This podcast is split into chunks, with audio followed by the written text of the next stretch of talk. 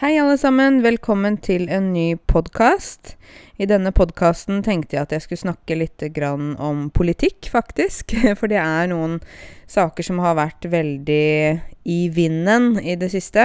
At noe er i vinden, betyr at det er veldig aktuelt. Eh, kanskje noen av dere har fulgt med på dette her med KrF, altså Kristelig Folkeparti, og det som skjedde her i oktober-november.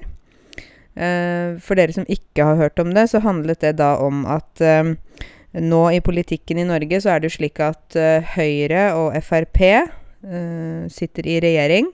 Da, og så er det statsministeren vår som heter Erna Solberg, ikke sant? Og hun tilhører Høyre. og i Norge så er det sånn at ett parti, et politisk parti, kan ikke sitte alene.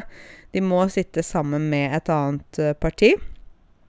Eh, og det er også for å sikre demokrati, og for å sikre at ikke bare ett parti styrer overalt, ikke sant? Så på Stortinget, så selv om det er Høyre og Frp som er i regjeringen, så sitter det likevel representanter fra de andre politiske partiene, f.eks. Arbeiderpartiet, SV, Miljøpartiet De Grønne osv. Og, og KrF, Kristelig Folkeparti, de har jo da um, hatt De har kommet over det som vi kaller for sperregrensen.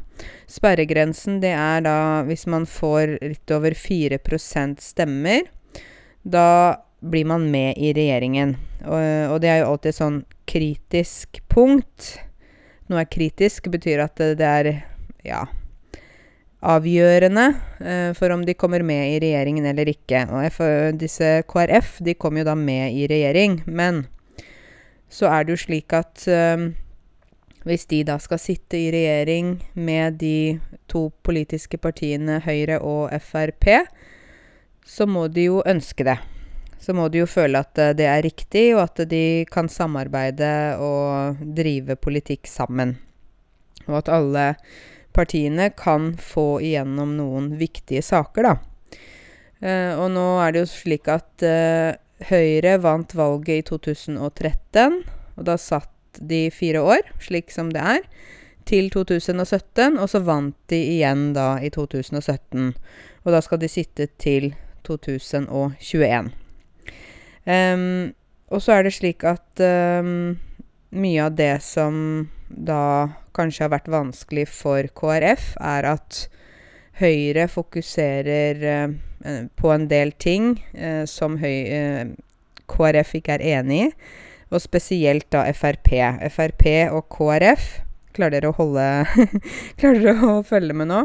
Så hvis jeg sier Kristelig Folkeparti og Fremskrittspartiet Ikke sant? Disse to partiene er ganske motsatte. Så de har ikke så veldig mange felles uh, interesser når det gjelder politikken, da.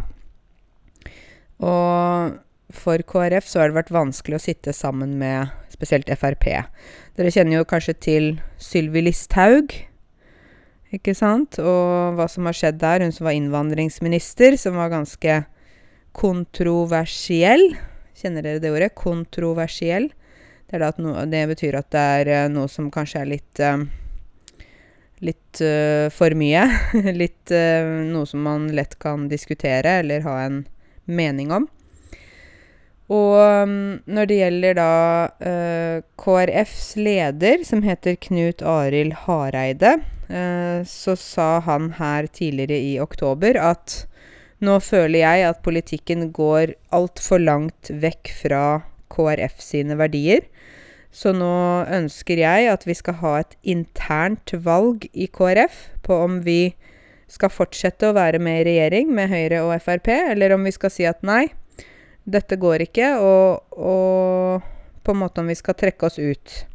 Hvis um, hvis det er slik da at det er flere mennesker inn, innad i Kristelig Folkeparti som ikke liker politikken til Høyre og Frp, så ville de faktisk klart å felle regjeringen. Å felle, uh, det betyr å ta livet av, eller drepe. Vi kan jo også si at man feller en ulv, ikke sant? Hvis man jakter på ulv eller bjørn eller eh, elg. Når man skyter elgen, så faller elgen ned og dør. Da er den elgen blitt felt. Og det samme kan man si med en regjering. Så det var veldig spennende. Jeg selv, det vet jo kanskje noen av dere, at jeg er ikke veldig glad i um, politikken til Frp. Og det kan jeg heller ikke være, på en måte, fordi jeg jobber med det jeg jobber med. Uh, og Frp vil jo ikke ha nesten noen innvandrere hit, kanskje bare de som kommer med masse penger.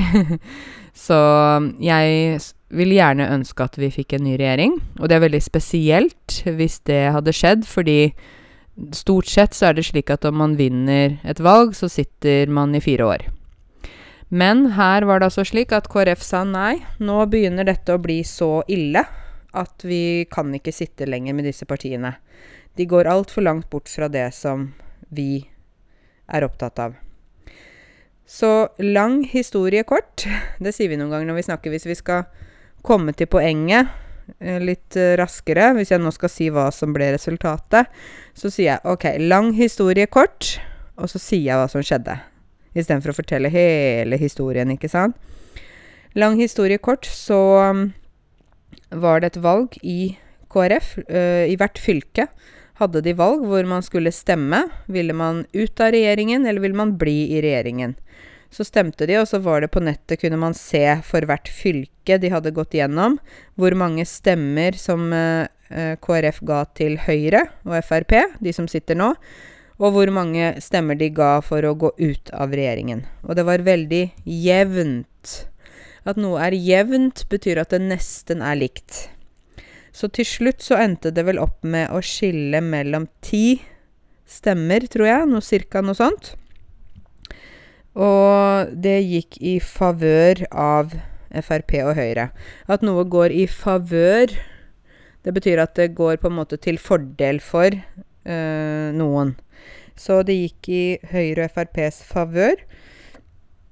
Det gjorde at uh, lederen for KrF, Knut Arild Hareide, sa takk for meg. Da vil ikke jeg lede dette partiet mer, fordi nå går dette så imot mine verdier, både som politiker og som menneske. Så han trakk seg ut av partiet.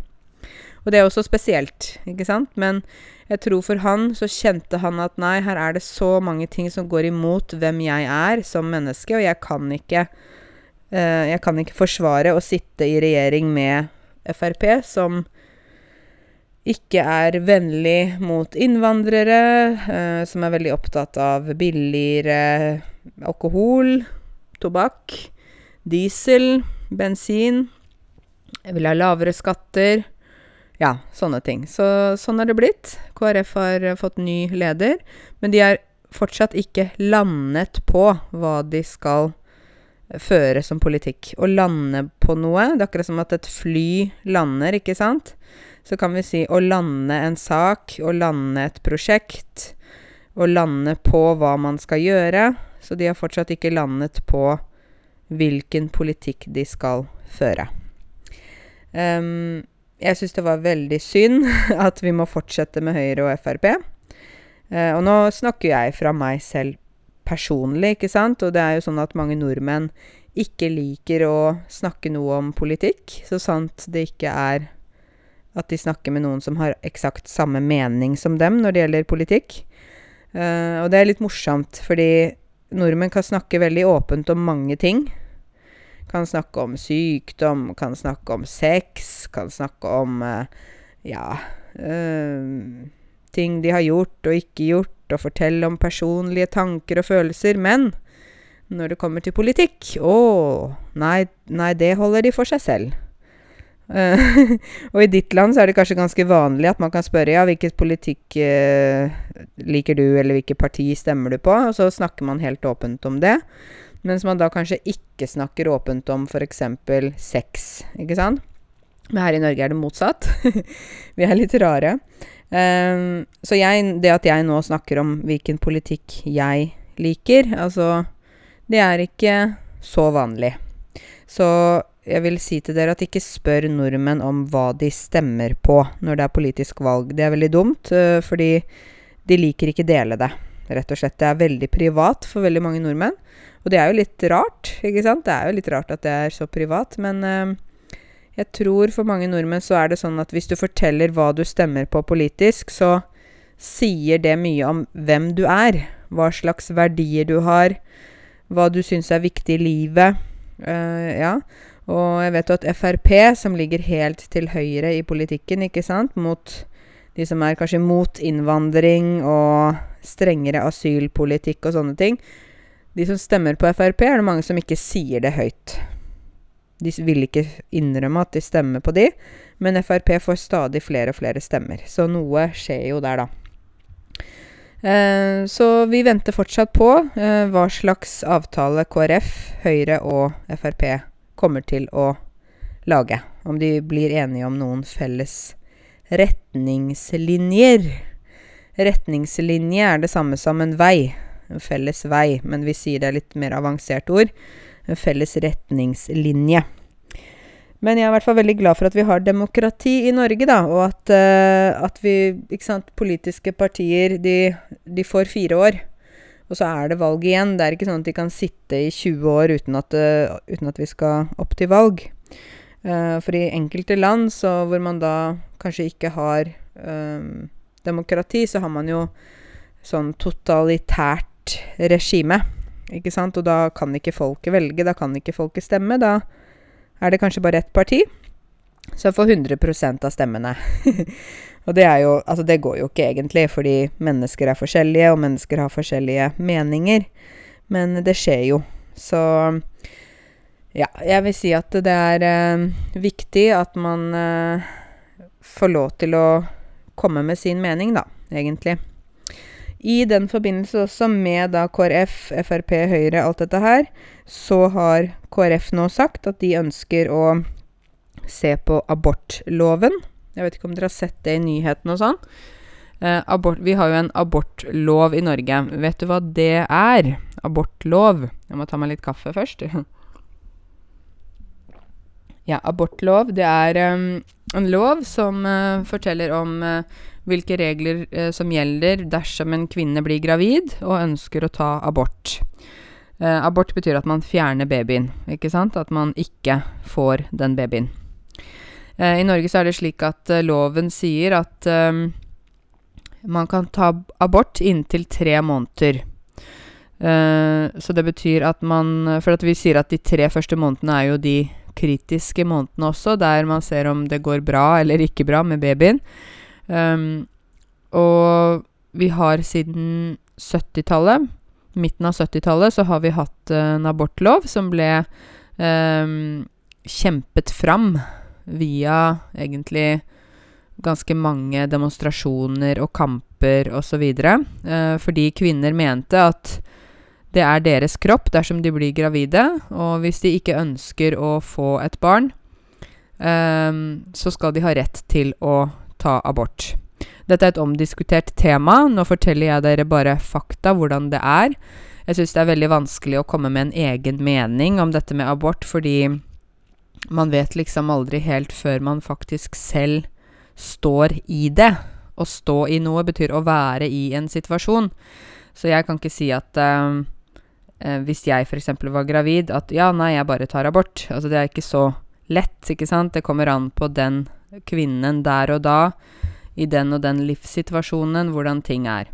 Så jeg har jo hatt noen venner som har vært veldig sånn De har vært veldig steil på at de skal ta abort. Å være steil på noe betyr at man er veldig bestemt. S-T-E-I-L. Å være steil. Å være veldig sta eller bestemt. Og så har de blitt gravide øh, ved et uhell, da. Og så plutselig så endrer alt seg så har de da ikke tatt abort, selv om de skulle gjøre det. Så jeg vil jo si at uh, dette er jo et, en individuell sak for hver kvinne, men jeg syns det også er viktig at man har en rett til å kunne bestemme selv, fordi i det øyeblikket man får et barn, så vil det barnet følge deg hele livet, og det endrer livet ditt for alltid. Både på godt og vondt, ikke sant?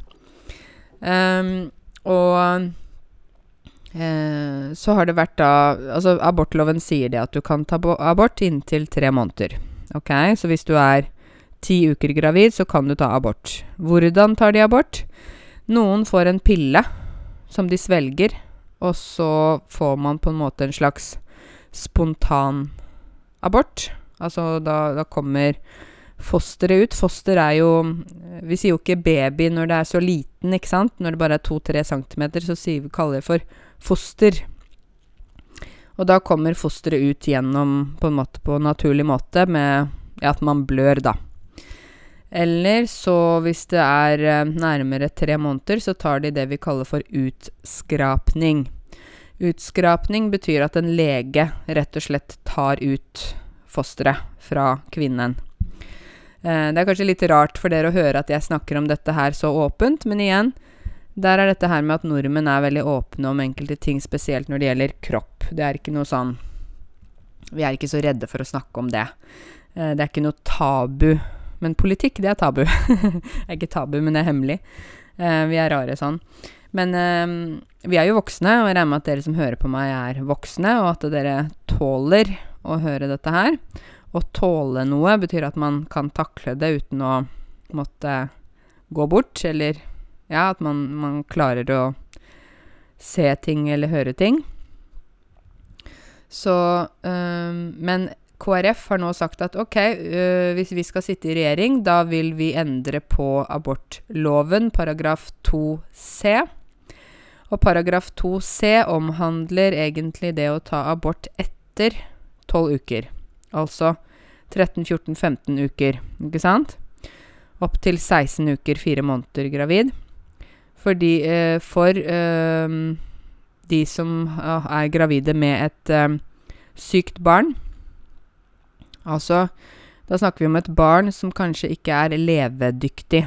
Altså fosteret har noen unormaliteter, eller uh, de kan se på ultralyden at dette fosteret er alvorlig sykt, har hjertefeil, har hjerneskade.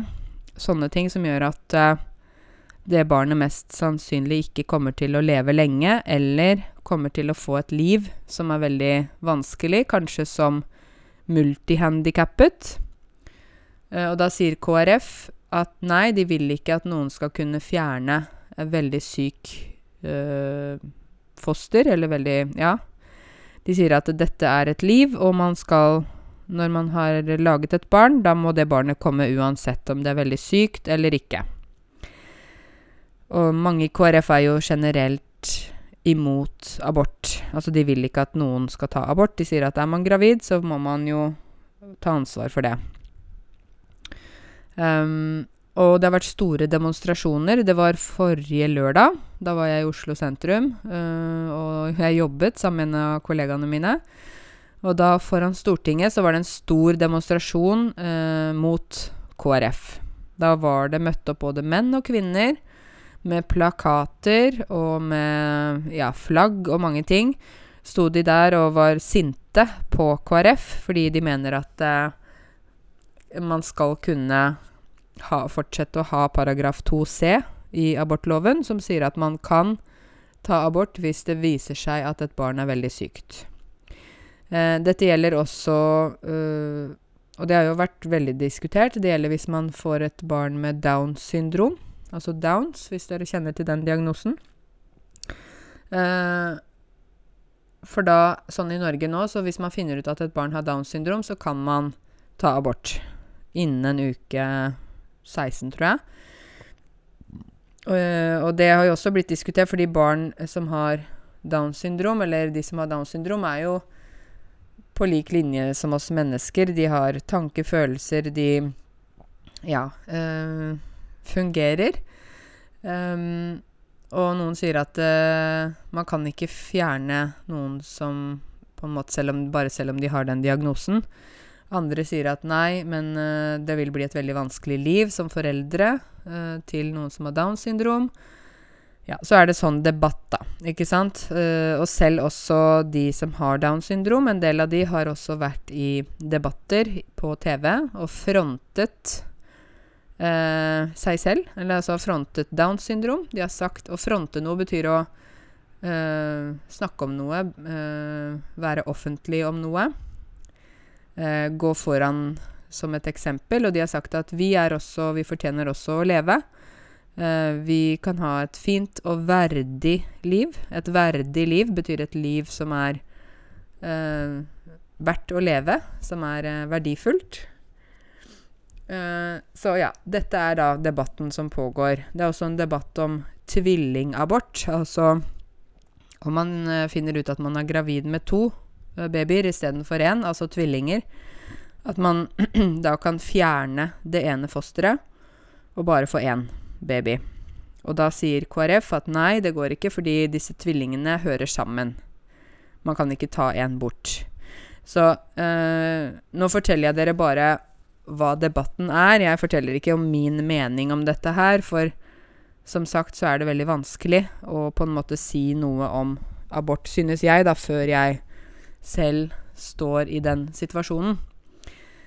Men dette er eh, saken som pågår. Eh, mange er sinte nå på KrF fordi de mener at KrF begynner å tukle med abortloven. Å tukle med noe betyr at man begynner å gå inn i ting og skal røre på det, bestemme over det.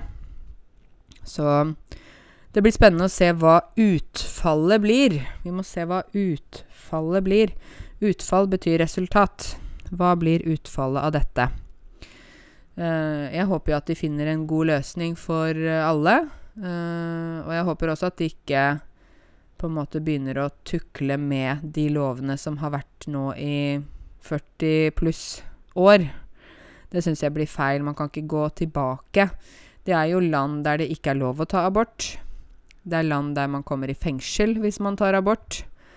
Ikke sant? Og det er mange grunner til at en kvinne tar abort. Uh, hva hvis man så har blitt voldtatt?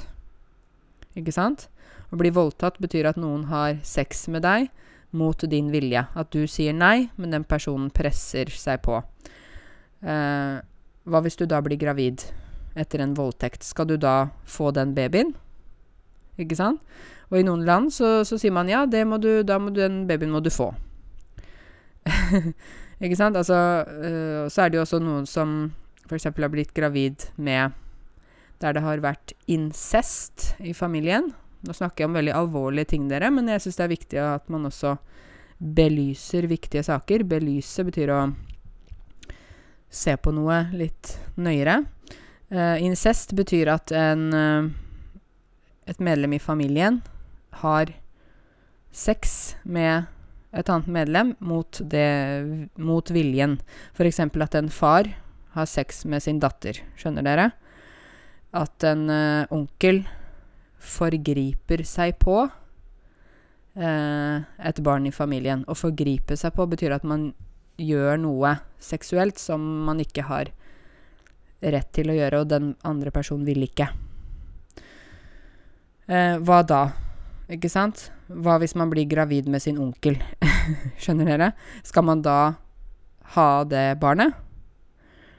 Her i Norge sier vi selvfølgelig skal man ikke det. Da har man jo all rett til å ha abort. Altså, ja.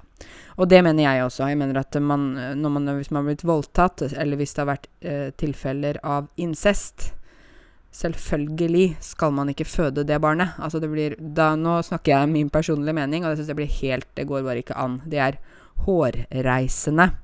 At noe er hårreisende, det betyr at håret Du vet du har hår på armene dine, ikke sant? Hårene reiser seg opp. det er sjokkerende, betyr det. Mm. Så nok om det, dere. Det var alvorlige saker, men jeg syns det er viktig at dere også vet litt om hva som skjer. At dere eh, er litt orientert i det politiske landskapet. At dere faktisk eh, vet litt hva som skjer her i Norge, fordi det faktisk påvirker livet vårt her. I hvert fall for oss som bor her, da. Men over til noe annet som er mer hyggelig. Nå prater jeg veldig alvorlig, men jeg er engasjert i enkelte ting, og vi ønsker å formidle til dere litt både glede og sorg og alvor og moro, ikke sant? Eh, jeg, I dag er det søndag, og jeg eh, hadde i går eh, en veldig fin eh, eh, kveld Eh, fordi to av mine gode venner, de fylte 40 år. De hadde 40-årslag. 40-årslag betyr eh, at man feirer at man blir 40 år. Så vi sier 40-årslag eller 30-årslag, 50-årslag. Et lag betyr en fest. Det kan også bety fotballag, ikke sant? Men å ha et lag, eh, da betyr at man har en fest. Der man samler gode venner og feirer. Eh, og det er veldig hyggelig fordi hun, uh, Marit, kommer fra Stjørdal. Stjørdal ligger oppe i Trøndelag. Og mannen, han kommer fra Kenya. Og de har vært sammen i tolv år, kanskje. De har to barn sammen og Ja. De er nesten naboer av meg. Så på den festen var det en blandet gruppe. Både nordmenn og kenyanere og folk fra andre land også, så vi hadde det veldig gøy. Uh, spiste deilig mat. Um, han mannen, som heter Nura, han uh, jobber på Frelsesarmeen. Og Frelsesarmeen, eller dere vet kanskje om The Salvation Army. Um, Frelsesarmeen de driver med mange forskjellige ting. Eh, annet også arbeidstrening, f.eks. For, eksempel, for de som har vært lenge utenfor eh, arbeidslivet. Eh, og da har de en veldig stor kantine der eh, folk har praksis, uh, lærer seg å lage mat osv. for kanskje å få en jobb senere. Uh, så han hadde bestilt catering fra denne restauranten, eller fra denne kantina, da, på jobben sin. Så da var det folk da som er på arbeidstrening, som hadde lagd den maten vi hadde på 40-årslaget i går. Det var deilig tapas.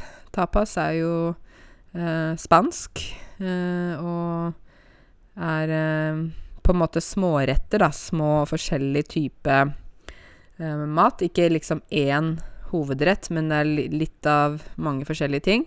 Ved arabisk mat så har man f.eks. sånn mese, ikke sant. Det betyr jo egentlig bord, men ja.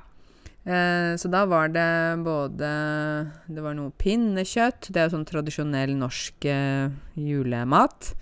Eh, og så var det salater, det var falafel, det var eh, diverse sauser, det var um, kjøttboller, kyllingklubber Det var masse forskjellig. Så det var deilig mat. Eh, og så var det marsipankake til dessert. Marsipan er jo knuste mandler, ikke sant, som man eh, knuser og lager til marsipan. Jeg er ikke så glad i marsipankake, for det er så veldig søtt, så jeg spiste ikke kake. Men eh, ja, så drakk vi litt vin og øl og dansa. Jeg dansa hele natta. Jeg er veldig, veldig glad i å danse. Så øh, hvis jeg drikker litt vin, så danser jeg også mye. Så da er jeg ikke i dårlig form neste dag. hvis man bare drikker og sitter, da blir man det vi kaller for fyllesyk. Å være fyllesyk betyr at man er syk av alkoholen. Og det kommer jo dagen etter. Vi kaller det for dagen derpå. Så når vi sier ja, ja, nå er det dagen derpå, da betyr det at man har vært på fest kvelden før og drukket, og nå er syk. Men ikke syk sånn at man er syk fordi man er syk, men fordi man er da ikke i form. Så jeg er ikke fyllesyk i dag. Uh, det er derfor jeg også klarer å lage denne podkasten, fordi jeg dansa hele natta. Så det var veldig, veldig gøy. Uh, jeg syns jo det er viktig å danse litt, eller være litt sånn fri innimellom, fordi vi har jo et stressende liv. Vi jobber, vi sliter, vi holder på med mange ting. Og av og til er det veldig deilig å bare kunne være fri og danse og smile og le, så det syns jeg er veldig viktig. Jeg håper dere også gjør det innimellom. Og om dere så bare danser i stua, så er det likevel dans, ikke sant? Så er likevel det å være litt fri. Um, jeg må fortelle dere, det var jo noen uker tilbake. Da var jeg med på en podkast som ennå ikke har kommet ut, men uh, det var en podkast med Kompetanse Norge da hadde jeg øh, også med Det var en lærer fra Johannes læringssenter i Stavanger. Hun heter Merete. Eh, så det var meg, Merete og øh, ei dame til fra Kompetanse Norge. Og de hadde kalt oss inn, meg og Merete, for å snakke om nettlæring. Dette med digital opplæring i forhold til norsk. Så da snakket Merete om hvordan de gjør det på Stavanger eh, altså på Johannes læringssenter, og jeg snakket om hvordan jeg gjør det i forhold til mine privatelever, da. Jeg har jo en nettskole. For de av dere som ikke kjenner den, så er webadressen www.note, altså n-o-t-e.no. Så da kan dere jo sjekke den hvis dere vil. Um, jeg mener jo at um, det er mange veier til rom. mange veier til Rom. Det, det, uttrykket har man på mange språk. Altså mange veier til Roma, egentlig. Men vi sier Rom her i Norge. Og det betyr det er egentlig en referanse til det gamle Romerriket. Der ikke sant, Roma var senter. og og eide egentlig veldig mange land, hadde kontroll på mange land, ikke sant. Nå snakker vi om uh, flere Ja, det blir jo et par tusen år tilbake, blir ikke det da? Noe sånt. Um, så det er mange, mange, veier til rom. Det betyr at det er mange muligheter, mange måter man kan komme frem til målet på. Uh, og jeg har jo mange nettelever som bor rundt om i hele Norge. Uh, de lærer norsk med meg på nettet. Uh, dette er i tillegg til denne podkasten og YouTube, da, ikke sant. De har nettkurs. Det betyr at de har et kurs der de logger inn, skriver oppgaver, uh, spiller inn, tar på sånn record, sånn som jeg nå spiller inn min stemme. Så spiller de inn, og så lytter jeg til det og gir de tilbakemelding på uttalen deres. De sender tekster over til meg som jeg korrigerer og gir vurdering, om det er A1, A2, B1, B2, C1 osv. Og, så og så har vi sånne samtaletimer der jeg snakker med mine studenter. Og trener på uh, det å bli bedre til å snakke, bedre uttale, vokabulær osv. Og, og jeg vil jo si at det er Hvis man har selvdisiplin Altså det å ha selvdisiplin betyr at man klarer på en måte å presse seg selv, da, til å uh, lære eller til å gjøre noe, så er det veldig bra med nettkurs. Fordi man kan da Det er veldig fleksibelt, så man kan jobbe når man vil, og hvor man vil. Uh, om det er på natta eller på morgenen, om det er uh, hjemme eller om det er på reise, så kan man likevel studere. Og på den podkasten på Kompetanse i Norge så snakket vi om dette her, da. Uh, fortalte liksom om min erfaring, og hvordan skoler og sånn kan tenke i forhold til opplæring. For det er ikke alle som kan gå på fysiske kurs ikke sant, på voksenopplæringen. Eh, noen jobber mye, noen har små barn, eh, noen har deltidsjobber som krasjer med timeplanen på voksenopplæringen, så da er det jo litt vanskelig for dem kanskje å komme til timene, ikke sant? Nå blir kaffen min kald her, men det går bra. um, så hvis man har nettkurs så kan man jo liksom studere når man vil, og uten å gå glipp av undervisning. Å gå glipp av noe betyr at man ikke får med seg noe, da. Uh, jeg har jo denne YouTube-kanalen og denne podkasten og gruppe på Facebook også, for de av dere som ikke kjenner til det, så heter det Norsklærer Karense. Det er en gruppe på Facebook. Og jeg har jo dette her som gratis, uh, fordi jeg vet at veldig mange sliter med å lære seg norsk, samtidig som de ikke har råd til å betale for kurs. Å slite med, nye, med noe betyr at man har problemer med noe. F.eks. noen mennesker de sliter med helsa. Andre sliter med å bestå B2 skriftlig. Så eh, derfor tenkte jeg da, og det jeg snakket om flere ganger, at jeg kunne jo dele min kunnskap. Eh, og gjøre det tilgjengelig for alle, også de som ikke kan kjøpe norskkurs. Uh, selvfølgelig er det bra hvis man har mulighet til å ha et norskkurs, kanskje gjerne i tillegg. Men hvis man ikke har det, så er det i hvert fall et sted hvor du kan uh, lære noe uten å måtte betale. Og sånn, sånn, er det for meg. Jeg synes at det er uh, en glede å kunne dele kunnskap. Det er veldig viktig for meg. Um, fordi jeg mener at kunnskap skal deles, ikke bare være forbeholdt uh, enkelte mennesker. At noe er forbeholdt noe, betyr at det er på en måte bare til uh, den eller den uh, personen. For eksempel Ja, um, denne filmen er forbeholdt menn. da betyr det at den er til menn, ikke sant? Eller denne maten er forbeholdt eh, vegetarianere. Da er den maten bare til vegetarianere. Så eh, min YouTube og min podkast er ikke forbeholdt noen, det er til alle. Så ja.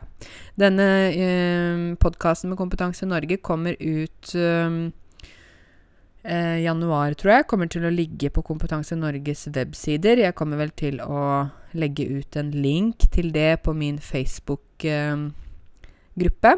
Eh, så hvis du ikke er medlem av den gruppa, så er det hyggelig hvis du vil være med. Det er jo også en gruppe der det er gratis eh, tilgang på informasjon og sånn.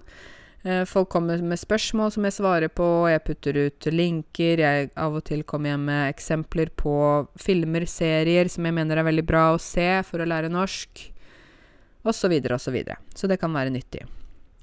Um, jeg, I dag er det søndag, og snart reiser jeg til Latvia.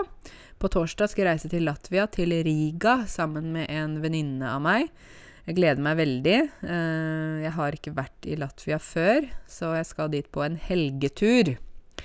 En helgetur, det betyr da en tur som er fra torsdag eller fredag til søndag eller mandag, altså ikke hele uken. Og da skal vi være der på et eh, ålreit hotell. Vi skal shoppe, spise god mat, gå på spa. Bare kose oss. Så har jeg hørt at det er veldig fint i Riga, at, som er hovedstaden i Latvia og at det er billig der. Så jeg håper det, i hvert fall. For da kan jeg eh, shoppe litt uten å bli helt raka fant. Å bli raka fant betyr at man blir blakk. Og det å bli blakk betyr at man ikke har penger. Så jeg har ikke lyst til å bli raka fant, så da er det bedre å shoppe i et land som Latvia enn, enn i Norge, tror jeg. Jeg syns jo det er veldig lurt å reise i november. Hvis man kan reise et sted, bare om det så bare er for en helgetur, så syns jeg det er veldig bra. Fordi øh, november er en tung måned, egentlig, synes jeg. I november så er det veldig mørkt. Eh, snøen har kanskje ikke kommet ennå heller. Så det er eh, mørkt og kaldt.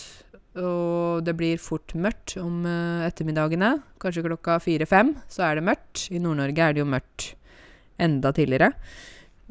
Så jeg, jeg syns at det er fint Hvis du har mulighet til å reise et sted i november, så gjør det.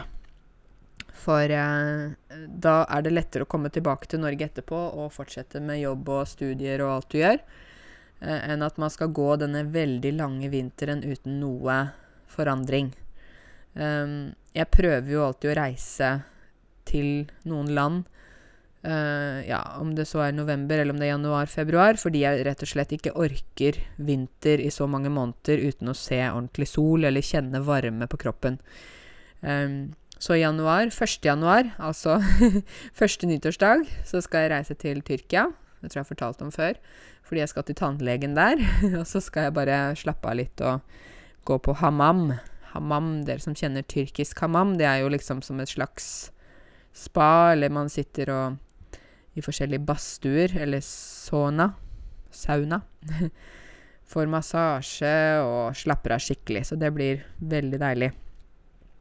Jeg vet og jeg vet og jeg vet at nå er det norskprøven snart. Uh, folk stresser seg i hjel. Å stresse seg i hjel, eller i hjel betyr at man dør. Nesten dør, da. Folk stresser seg i hjel for denne norskprøven. Eh, det er både muntlig og skriftlig. Eh, jeg vet at det ikke er bare bare. Um, har du hørt den videoen min? Jeg hadde jo en video om det. Det er ikke bare bare, men, men. Det betyr at det ikke er lett. Um, det er skriftlig og muntlig. Jeg har lagd videoer om muntlig eksamen, der jeg selv også svarer på mange av oppgavene, for å vise dere hvordan man kan svare, hvordan man kan tenke. Uh, jeg har laget sånne videoer der jeg viser hvordan eksamen er organisert. I tillegg har jeg kjempemange videoer om skriftlig eksamen på alle nivåer. Um, men jeg har spesielt fokusert på B2 skriftlig, fordi jeg vet at veldig mange sliter. Igjen, nå kommer det ordet 'sliter'. De sliter med å bestå B2 skriftlig. Så jeg har en del flinke elever som har nettkurs hos meg, som jeg har fått lov til å bruke deres tekster eh, til å lage video for å vise dere hvordan man kan eh, skrive for å bestå B2, da, hva man må tenke på. Så ja, norskprøven kommer nå snart. Um, dette med norskprøven er viktig for mange på forskjellige måter. Noen må ha det pga. at jobben krever det. Andre må ha det fordi de skal søke om høyere utdanning i Norge. Og for å gå på universitet eller høyskole i Norge, da må man ha B2. Bestått B2 på alle nivåer, eller Bergenstesten. Uh, B2 betyr da muntlig, skriftlig, lese og lytte. Og bergenstesten er også alle deler. Eh, får man B2, eh, så kan man søke seg inn på universitet og høyskole, men de fleste studier, de fleste krever også at man har eh, en engelsk test, f.eks. tøffeltesten. Så når noen er ferdig med B2 i norsk, så må de i tillegg ta en test uh, i engelsk. Så. Og det er fordi at hvis man skal gå på høyere utdanning i Norge, så er dette på norsk, stort sett. Og så er det en del litteratur på engelsk. Og hvis man da ikke har et akademisk nivå i norsk, et høyere nivå, så vil man falle ut av uh, undervisningen. Man klarer ikke å følge med, man faller ut. Og da vil du heller ikke kunne få noen gode resultater, og du vil kanskje heller ikke bestå prøvene. Så da tenker vi at det er bedre at vi heller har litt høyere krav enn at veldig mange skal komme inn, og så klarer de ikke å følge med. Eh, når det gjelder studier i Norge, så er det jo slik at vi følger internasjonal standard nå, eh, med bachelor- og mastergrad og doktorgrad. Mange sier jo ph.d., men vi sier doktorgrad. Eh, tar man en bachelor, så får man studiepoeng. Eh, det får man når man studerer på høyskole og universitet. Det er 60 studiepoeng på ett år, eller 30 studiepoeng på deltidsstudier. Og så samler man da studiepoeng. Så hvis man tar en bachelorgrad, så har man tre ganger 60 studiepoeng. Det blir 180 studiepoeng. Um, tar man da i tillegg master, som er to år, da blir det 120 studiepoeng. 60 ganger 2. Så hvis man da har bachelor og master sammen, da er det 180 studiepoeng pluss 120 studiepoeng, 400 studiepoeng. Eh, og hva er studiepoeng? Jo, studiepoeng gir deg eh, kompetanse og gir deg også en høyere lønn. Eh, for lønnen som man får, blir ofte bestemt av i forhold til hvor mye erfaring man har, hvor mye man har jobbet, og også hvor mange studiepoeng man har. Har man eh, flere studiepoeng, så kan man direkte få høyere lønn. Det gjelder jo spesielt jobb i kommune og stat. Eh, private firmaer har litt mer sin egen greie, så da er det ikke så eh, bestemt av hvordan det fungerer. Men eh, jeg som lærer, f.eks., eh, når jeg da har studert på universitetet og sånn, så har jeg fått så og så mange studiepoeng. Og hvis jeg da søker en jobb, så vil de gå tilbake til mine vitnemål Vitnemål er det samme som diploma. Og så vil de se på det.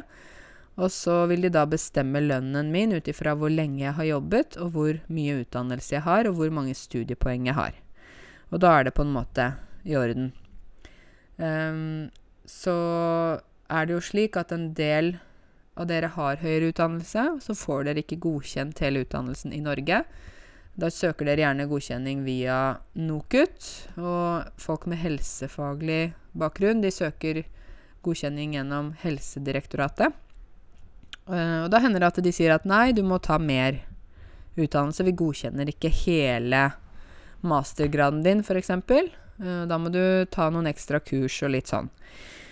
Så vi er strenge i Norge. Uh, jeg syns det er dumt at vi er så strenge også, i hvert fall hvis folk er ferdig utdannet, da egentlig. Ja, dere, nå kommer snart desember, og det er julebordsesong. Julebord, det er jo fest med kollegaer, stort sett, uh, der man møtes uh, på en middag og kanskje en fest etterpå. Um, hvis du blir invitert på julebord, så vil jeg anbefale deg å si ja. Noen av dere liker jo ikke å feste, eller syns det er Ja, liker det ikke. Men jeg vil si at det er viktig i forhold til det sosiale uh, samholdet på jobb. Så i hvert fall hvis du blir invitert på julebord, gå i hvert fall og spis middagen sammen med de andre kollegaene, og så kan du eventuelt gå hjem etterpå, men det er jo også veldig gøy å ha en fest, ikke sant? Så sånne ting er litt viktige. Jeg ser jo en del innvandrere som sier nei til å være med på sosiale aktiviteter uh, med, som de blir invitert på fordi de er litt stressa for at uh, de ikke snakker godt nok norsk, eller de vet ikke hvordan det skal bli, eller de er litt Og da vil jeg bare anbefale dere å gå uh, for å vise at dere er interesserte i jobben, altså interessert ikke bare i å gjøre jobben, men at dere også kan være sosiale med kollegaer. Det er veldig viktig i Norge, så ja. Det er jo en del alkohol på slike julebord. Du må ikke drikke hvis du ikke drikker. Men uh, utover kvelden så blir det fuktig. At det blir fuktig, det er et uttrykk for at det blir at man drikker en del. Så ja, en del folk blir jo fulle. Å bli full betyr at man har drukket for mye. Men uh, ja. Sånn er det bare. Vi har en sånn type drikketradisjon i Norge. Og en del nordmenn drikker for mye, vil jeg si. Um, men det er jo helt opp til hver enkelt. Man må jo ikke følge med på det alle de andre gjør, ikke sant? Så ja. Hvis du blir invitert på julebord, si ja. Gå, i hvert fall på middagen. Uh, ha det hyggelig. Og så forstår dine kollegaer at du også er interessert, ikke bare i jobben, men også i å være sosial og delta på det som er. Ok, dere. Eh, jeg vil si takk for at dere har lyttet til denne podkasten. Håper det har vært lærerikt, selv om jeg også har vært innom en del alvorlige emner. Men eh, jeg syns det er viktig eh, å lufte det med dere. Å lufte noe betyr at man forteller om noe. Så tusen takk for at uh, du har hørt på podkasten min, og vi snakkes igjen, eller vi høres igjen i neste podkast. Ha det bra!